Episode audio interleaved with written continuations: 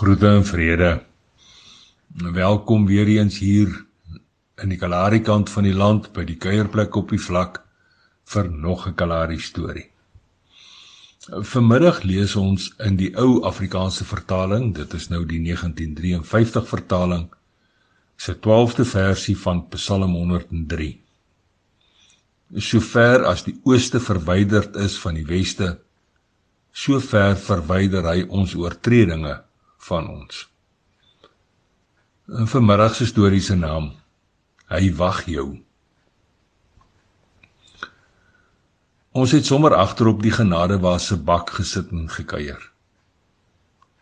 Iewers eers op die Kalahari vlak.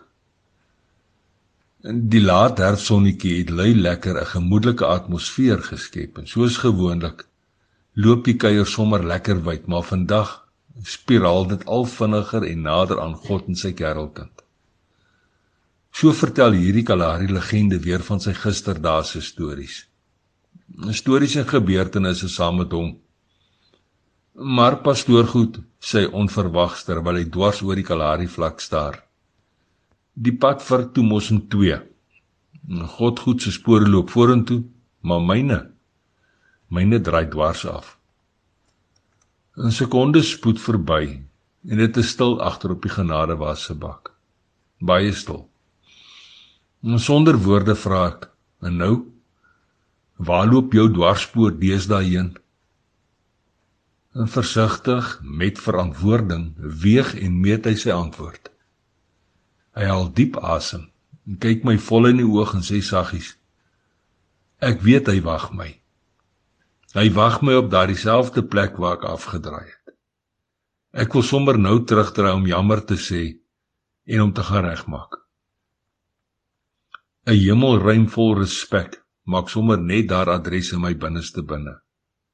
Hierdie woestynmens besef die impak van 'n onverskillige en swak keuse by seker die belangrikste twee roete vurk op sy lewenspad maar anders as Ananias en Safira is hy nie te hardkoppig of te eie wys om hierdie fout te erken en iets daaromtrent te doen nie. Hy onthou, hy besef en hy neem die verantwoordelikheid om opeens te gaan regmaak, sommer net daar, sonder enige sukkel of enige sweet.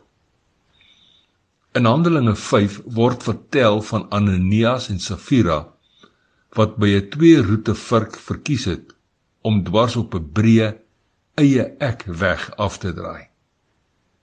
Dit is nou na afloop van 'n bepaalde eiendomstransaksie. Hierdie twee het op 'n bepaalde oomblik in tyd doelbewus 'n roete vol inhaligheid, selfsugtigheid en eie gewin gekies en weggedraai van onbaatsigtige hulpverlening, nederigheid en naaste liefde hierdie wegdraai vertel van mense goed wat afdraai omrede hulle fokus geskuif het.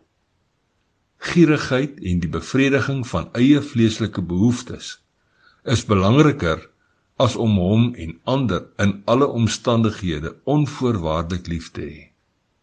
Wel, ongelukkig het Ananias en Safira beide van wie hulle argelose en ondeurdagtige besluite op dieselfde dag gesterf.